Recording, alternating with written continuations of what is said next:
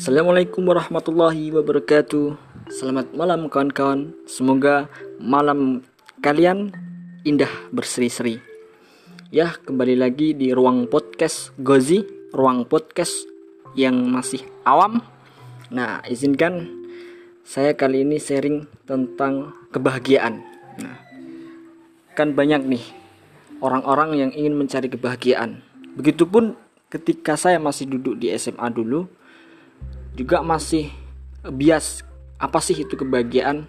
Ada yang mendefinisikan atau ada yang memahami kebahagiaan itu memiliki jabatan yang tinggi memiliki kekayaan yang banyak memiliki istri yang cantik terus memiliki anak-anak yang menyenangkan atau apa pun itu. Kebahagiaannya bersifat duniawi duniawi.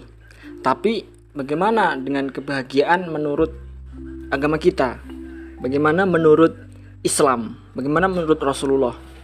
Nah, itu menurut saya cukup menarik.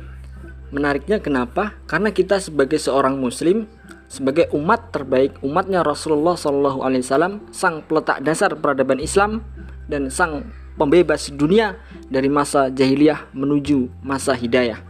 Nah, kita sebagai seorang muslim tentu ingin mendefinisikan apa yang seperti didefinisikan oleh Rasulullah SAW. Nah, tidak hanya lagi mendefinisikan kebahagiaan itu istri memiliki istri yang cantik, jabatan yang tinggi, mentereng, terus kekayaan yang banyak, dan apalagi harta benda yang melimpah, terus mampu berkuasa di mana-mana dan lain sebagainya. Nah, di sini saya ingin mengutip beberapa kalimat atau poin dari Syekh Taqiyuddin An-Nabhani dalam kitab Nizamul Islam. Nah, di situ dikatakan bahwa beliau mendefinisikan kebahagiaan itu adalah mentaati Allah dan mentaati Rasulullah. Jadi, kebahagiaan menurut Syekh Taqi Syekh Taqiyuddin An-Nabhani adalah ridho, ridho Allah. Jadi ketika kita melakukan sesuatu, melakukan aktivitas sehari-hari, di situ Allah ridho, maka itulah kebahagiaan.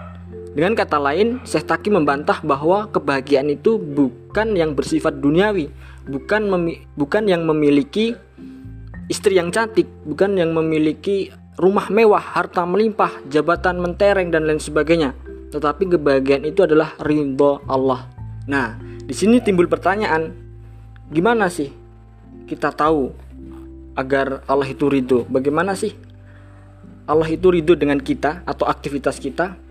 Atau apa saja sih yang Allah ridhoi dan yang Allah murkai? Nah di situ bisa lebih lanjut nanti kita uh, diskusikan yang lebih mendalam dan di lain ruangan. Nah tetapi juga saya ingin menambahkan sedikit bahwa seseorang yang memiliki definisi kebahagiaan seperti itu maka menurut saya itu adalah seseorang yang didambakan.